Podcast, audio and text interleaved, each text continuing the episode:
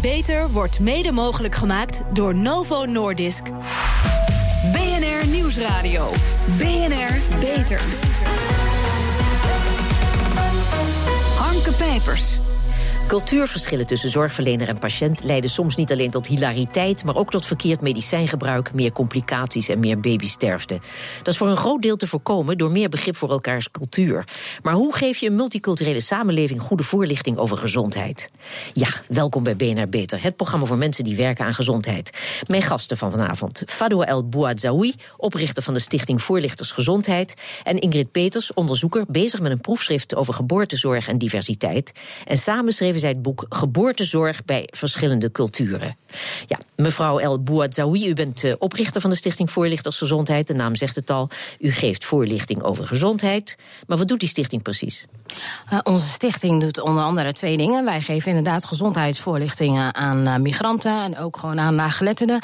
En tevens geven wij trainingen aan zorgverleners. Ja, op, opgericht omdat de geboortesterfte in Nederland te, te hoog was, hè, met name in Rotterdam. Ja, een van de aspecten was inderdaad de hoge kindersterfte in Rotterdam. Daar zijn wij ook ooit mee begonnen vanuit het programma Klaar voor een Kind, vanuit het Erasmus MC en van daaruit de stichting. Ja, het initiatief is ontstaan vanuit een project dat, nou dat vertelt u al, dat werd gefinancierd door het Erasmus Medisch Centrum. Maar op een gegeven moment stopte de financiering. Dat is vaak zo met goede initiatieven, dat is jammer.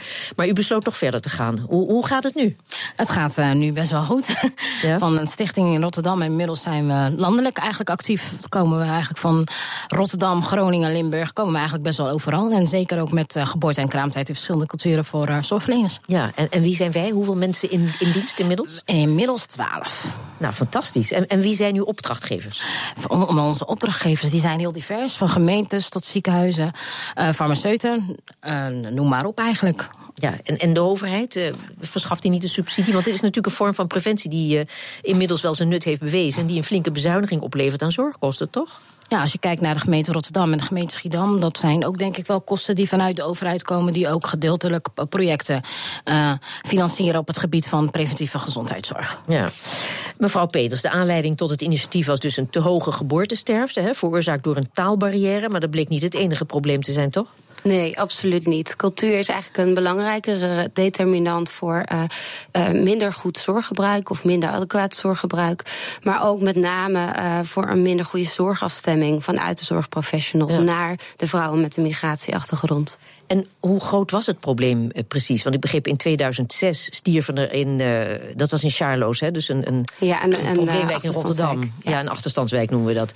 Uh, hoeveel was het? 9 op de 1000 uh, baby's. Ja. Dat is nu teruggebracht tot? Waar hebben we het dan over? ja, nee, het is nu teruggebracht naar 9 op de 1000 ah, baby's. Ja. Voorheen zweefde het rondom de 14 op de 1000 baby's ongeveer in de achterstandswijken. Dus daar is uh, heel veel gebeurd. Ja, er is zeker veel gebeurd. Ja. Mevrouw El Bouazaoui, u heeft op grond van uw ervaring als voorlichter en als vrouw met een migratieachtergrond, want uw ouders komen uit Marokko, mm -hmm. samen dus met mevrouw Peters het handboek geschreven, Geboortezorg bij verschillende culturen. Het is een naslagwerk voor zorgverleners die te maken hebben met patiënten van uh, buitenlandse afkomst, zou ik maar zeggen. U merkte in de praktijk dat dat hard nodig was, want hulpverleners weten daar te weinig van, hè?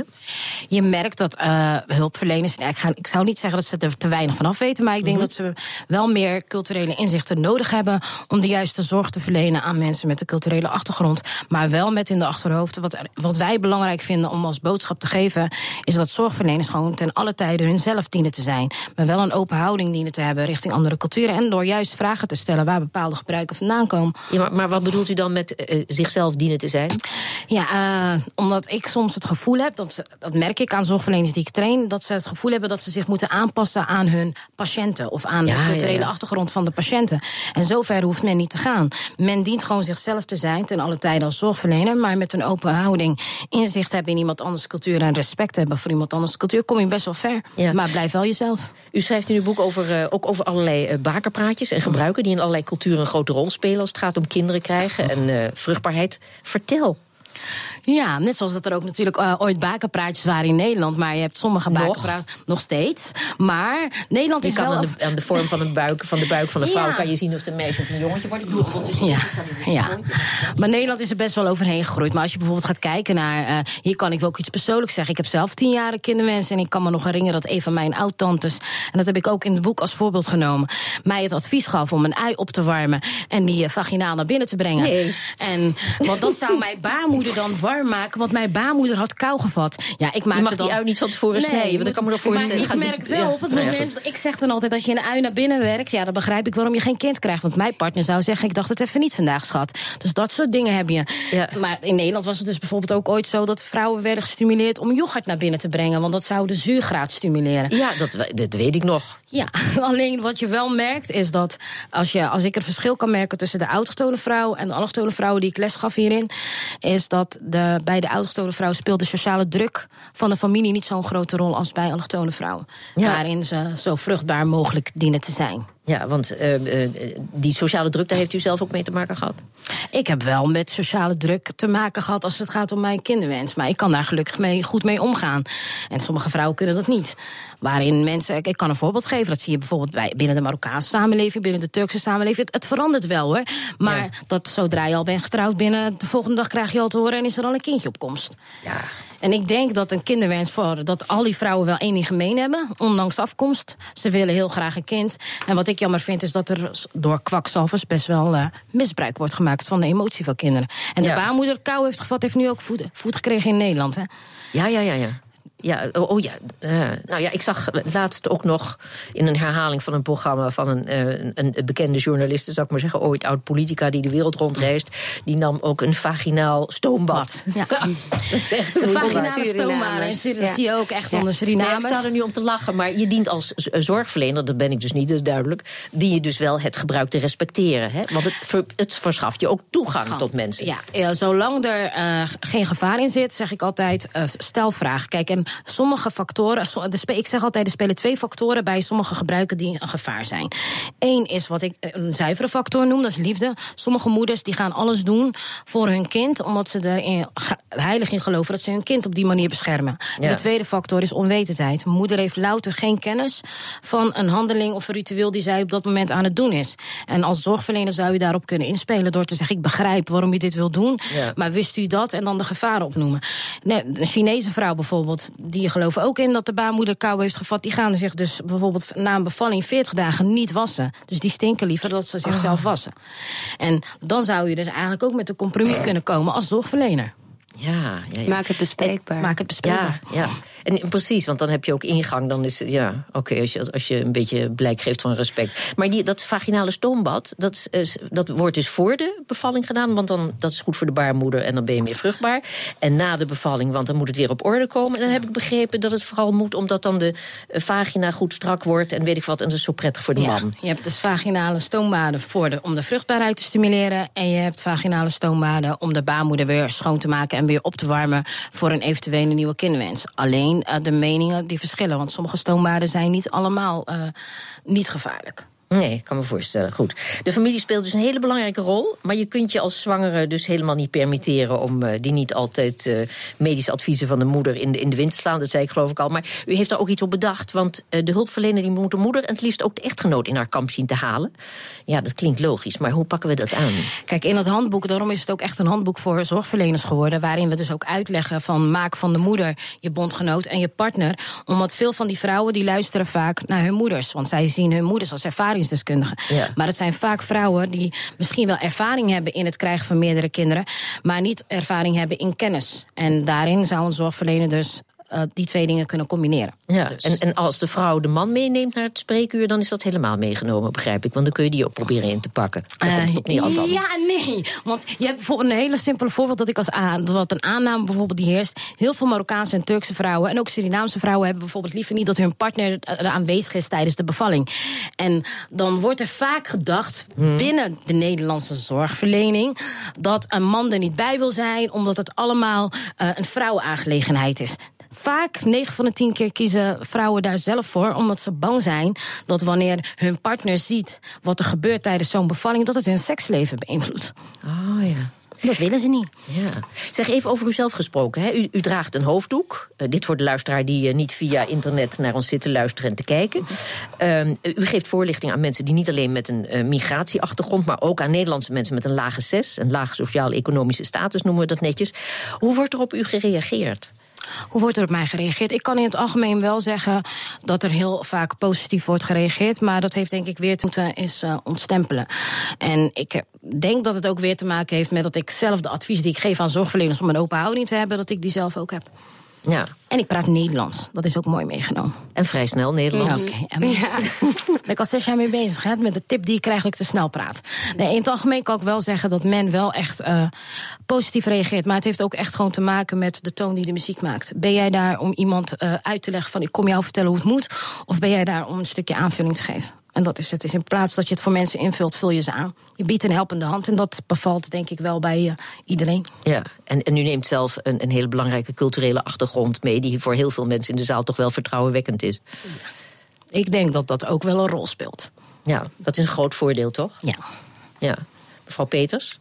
Ja, het is een voordeel. U heeft die achtergrond niet, voor even nee, voor de duidelijkheid. Nee, nee. En uh, je bedoelt die vraag vanuit het perspectief ja, van, de, van de zwangere. Ja, hoe belangrijk is dat? Uh, hoe, nou, hoe, zwaar weegt dat? Uh, als je kijkt naar voorlichting, is het wel zo, en dat toont ook onderzoek aan, dan is, is een gelijke, het hebben van een gelijke cultuur als degene waaraan je voor, voorlichting geeft, dat dat heel veel effect heeft op inderdaad de kennistoename.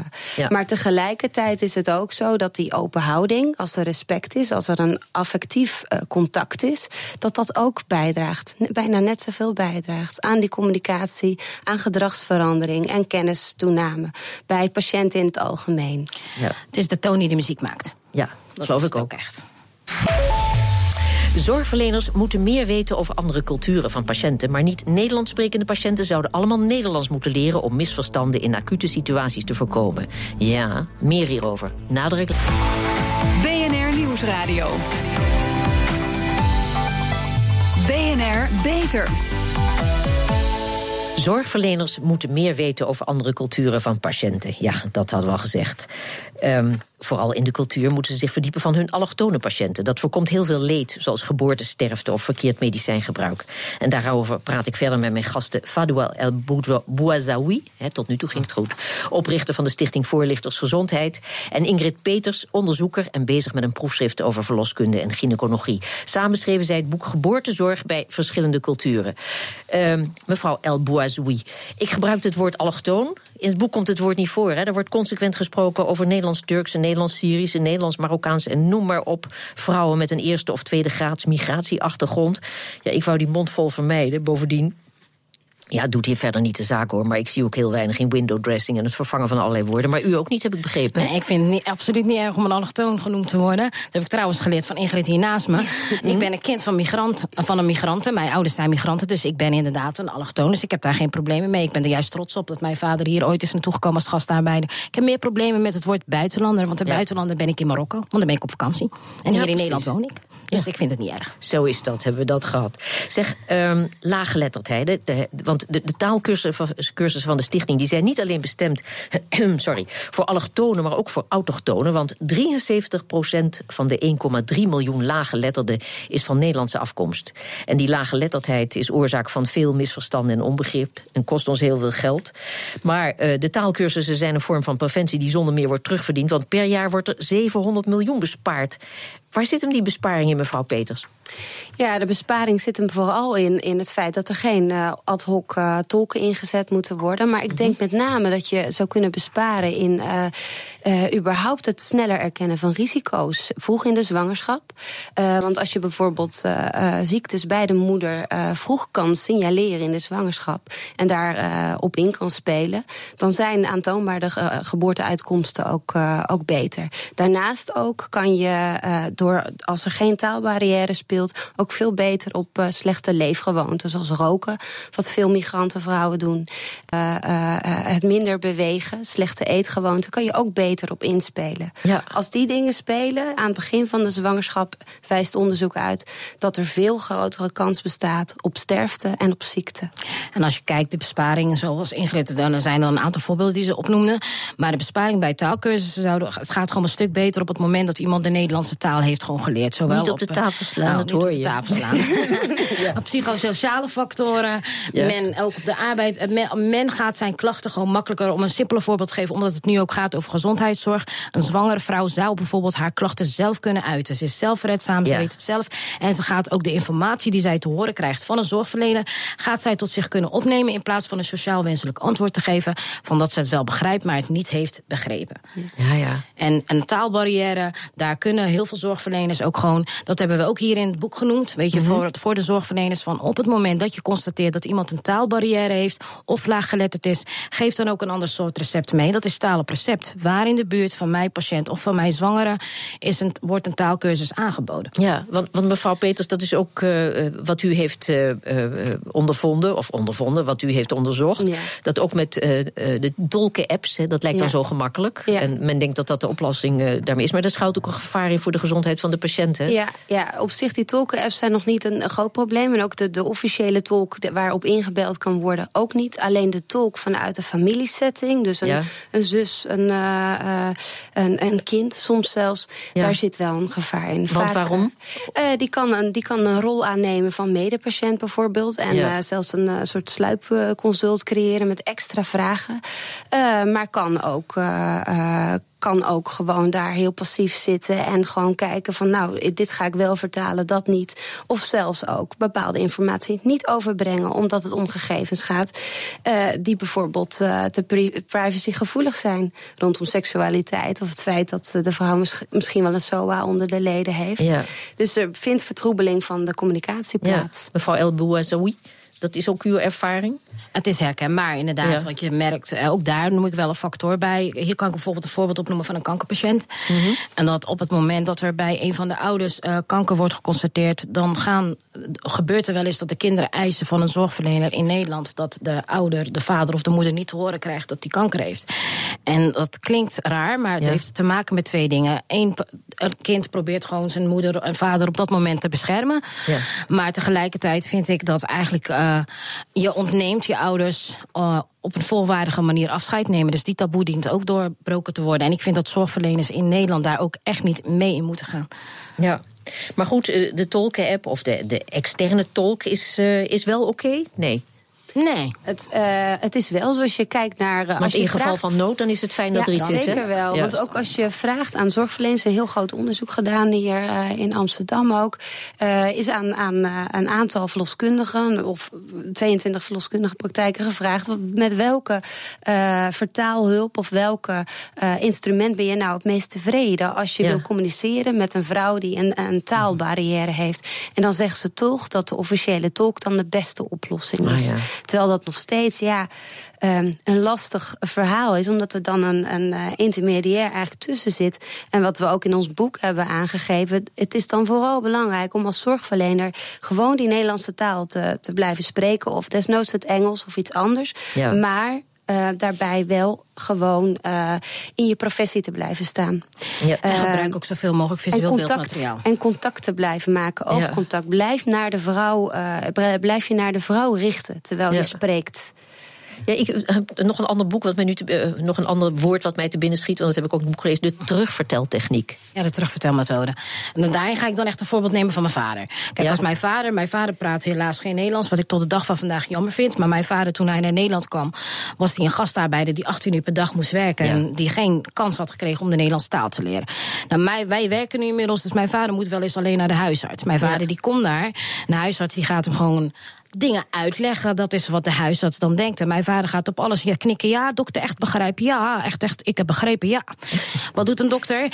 Heb ik het u wel goed uitgelegd? Dan zegt mijn vader, ja, begrijp. Maar mijn vader komt thuis en dit is wat er achter de schermen gebeurt. En van jullie motamai, ik begrijp helemaal niet wat die man daar zegt. En dan zeg ik, maar pa, waarom geef je het daar dan niet aan? Nee, ik heb respect voor dokter, mag niet tegenspreken. En dit is weer een culturele aspect. Ja, mijn ja, vader ja. heeft zoveel respect voor de zorgverlener dat hij hem niet tegenspreekt. Maar de huisarts kan hem wel snel veranderen. Door alleen maar dit te zeggen. Kunt u in uw eigen woorden verwoorden wat ik net heb aangegeven? Want dan leg je het neer ja. bij mijn vader. Ja. Het is dan geen gesloten vraag, maar een open vraag. Komt het wel in gebroken Nederlands eruit? Ja. Maar een arts kan dan wel afchecken of hij mijn vader wel heeft begrepen of niet. Hier vind ik wel nog wat bij vermelden. Wat ik wel altijd heel grappig vind is... zorgverleners gaan dan zelf in gebroken Nederlands praten. Omdat ze dan denken dat mijn vader hem dan beter verstaat. Maar dan geef je weer een andere boodschap aan mijn vader. Want die komt thuis en zegt: Of net een Nederlands leren kan dokter worden. De dokter zelf de praat als mij. Dus dat is ook weer een probleem. Blijf alsjeblieft gewoon Nederlands praten. En stuur mijn vader door naar een taalkursus. Want dan maak je mijn vader zelfredzaam. Maar het is wel treurig, want uh, ik heb begrepen... Je broer zit, uw broer zit in de zorg. Ja, die is longarts. En de zus? De zus is apothekersassistent en uh, geeft voorlichting over diabetes. Maar de, maar de ouders, dat is, die zijn... Uh, dat is nou niet, Ze zeggen niet voor niks in de geneeskundewereld... never treat your own family. En mijn oh, ouders ja. op therapie trouw krijgen... dat is denk ik mijn grootste uitdaging. Ja, dat is wel een zorg, hè? Het is nee, serieus, zorg. dat is een ja, zorg. Dat is een zorg. Zeg maar, hoe gaat dit idee, dit fantastische idee, uh, deze stichting worden voortgezet? Wat zijn de ambities wat, en wat is daarvoor nodig? De ambities die zijn nog steeds zoals. Kijk, nu zijn we met. We zijn ooit begonnen met de training ontwikkelen. Nu ligt er gewoon echt een handboek voor zorgverleners. Om gewoon inzichten te krijgen in culturele aspecten. Dat ze gewoon kunnen gebruiken als leidraad. Ja. We hebben ook verschillende culturen erin meegenomen. De toekomst is wel voor mij dat we in de zorg met z'n allen Nederlands gaan praten. En dat we mensen zelfredzaam gaan maken. En dat ja. mensen gewoon gezondheidsvaardigheden krijgen. Ja, en dan niet alleen op het gebied van uh, geboortezorg. Nee. Maar ook op, uh, op uh, andere gebieden. Vertel. Uh, nou ja, dat is de toekomstvisie ja. van de stichting. Uh, ja. Ik sta daar natuurlijk als, uh, ja, als onderzoeker bij, en beleidsmaker. Zei. Ja, we zijn Want? nu ook bezig met waarde en norm in Nederland. Ja. talen gezondheid, kanker. En we hebben inmiddels komt er ook een nieuwe training dat heet kanker in verschillende culturen, diabetes. Dus we zitten eigenlijk op het gebied op algemene gezondheid. En wij vinden daar waarde en normen in Nederland vinden wij daar ook gewoon bij horen. Omdat je eigenlijk wil je gewoon af van het systeem waarin het misschien wel goed was bedoeld dat mensen worden gepamperd. We willen gewoon zorgen dat mensen en gaan wennen aan de zorgverlening zoals wij die hier in Nederland aanbieden. Maar ook dat mensen zelfredzaam worden. Ja. Zeg, uh, het boek is te verkrijgen waar en, wa en per wanneer? Uh, Want het is er nog niet op dit per, moment. Uh, 5 september te verkrijgen. Waarschijnlijk dan gewoon via bol.com of anders via Lano Campus. Dat is de uitgever van het boek. Het boek is een hardcover boek, dus mooi ingebonden. Want het is ook echt als een, een handboek opgemaakt en het zal 45 euro kosten. Ah ja, zeg, en op welke website kunnen mensen nog een en ander nalezen over deze stichting? Um, ik denk dat dat gewoon op www.lanocampus.nl zal zijn. Nee, maar over de stichting. Of uh, voorlichtersgezondheid.nl. Daar ga je ook een stukje over het boek oh, inderdaad kunnen uh, lezen... om ook uit te leggen van waarom dit boek gewoon ook echt gewoon nodig was voor zorgverleners als leidraad. Ja. Goed, mevrouw El Bouazoui, u eindigt het boek met een dankwoord aan uw moeder en aan uw vader... die aanvankelijk geen begrip had voor uw belevingswereld... maar uiteindelijk heb ik begrepen uw bondgenoot is geworden. Vertel. Ja, omdat uh, vaak denkt men dat het makkelijk is om te leven tussen twee culturen. Want buitenshuis ben je een Nederlands en binnenshuis ben je een Marokkaanse. En uh, ik moest dus zoeken naar wie ik was. Ja. en ik wilde me niet neerleggen bij uh, de collectiviteit. Want, zo, want in Nederland ben je, mag je gewoon een individu zijn. Je mag lekker jezelf zijn. Maar tegelijkertijd kom ik uit een Marokkaanse cultuur... waarin je wordt geleerd dat je uit een collectief komt. En dan is het soms de bedoeling dat je gaat leven zoals andere mensen willen dat je leeft. En ja. ik koos ervoor om vrij te zijn. En mijn vader moest daar in het begin wel aan wennen. Een dochter die hij vrij liet en de sociale druk die mijn vader dan kreeg vanuit uh, de gemeenschap, zoals ze dat noemen. Ja, ja. Die te veel spraken over dat zijn dochter te vrij was. Maar daar is mijn vader nu alleen maar trots op. En uh, mijn vader is daar nu een grote voorstander van. Mooi, mooi slot, lijkt mij. Goed. Um, mevrouw Peters, Um, nog een, een, belangrijke wens wat betreft uh, preventie in de toekomst? Uh, nou, ik hoop dat, uh, dat, dat mensen dit boek gaan raadplegen. gewoon om kennis te nemen van alles wat er überhaupt op wetenschappelijk gebied onderzocht is. Als het gaat om geboortezorg en diversiteit. En daarbij ook echt alle, alle ervaringsverhalen. Ook het perspectief van de zorgprofessionals die we hebben gesproken. En de zwangeren die we hebben gesproken. ja, zich daarin verdiepen. En vooral ook de handelingsopties uh, okay. tot zich nemen. Dank, Fadoua El Bouazaoui en Ingrid Peters. Graag gedaan. Moet je voedingssupplementen alleen in de winter slikken... of is het verstandig om in de zomer af en toe een extra vitamine-tabletje te nemen? Onze BNR-verslaggeefster René van Heteren zocht dat voor u uit. In de zomer hoef je geen voedingssupplementen te slikken. Feit of fabel? Ja, dat is niet zo eenvoudig te beantwoorden met feit of fabel of ja of nee. Astrid Posma, expert voeding en gezondheid bij het Voedingscentrum. Maar het belangrijkste is dat het voor veel mensen helemaal niet nodig is om extra supplementen te slikken, behalve voor een aantal groepen. Vooral voor vitamine D. En dat zijn jonge kinderen, mensen met een donkere huid of die niet veel buiten komen en ouderen. Dus als je niet tot een van die groepen behoort, hoef je eigenlijk geen supplementen te slikken. Ook niet in de zomer.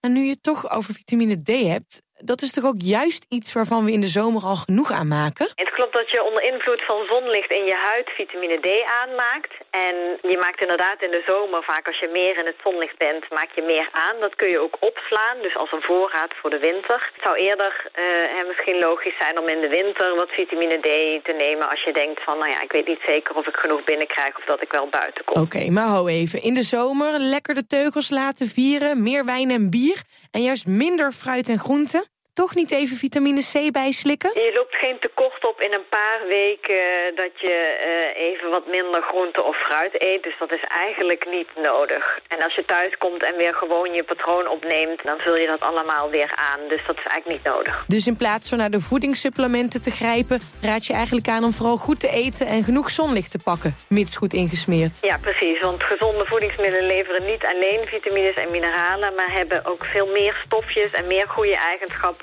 die ervoor zorgen dat ze zo gezond zijn. En dat kun je niet vervangen met een supplement. Tot zover deze uitzending van BNR Beter. Op bnr.nl slash beter is deze uitzending terug te luisteren. We zijn ook op Twitter te vinden onder BNR Lifestyle. Dus heeft u tips voor ons? Laat het ons vooral weten. Ik ben Harmke Pijpers. Tot een volgend spreekuur. BNR Beter wordt mede mogelijk gemaakt door Novo Nordisk.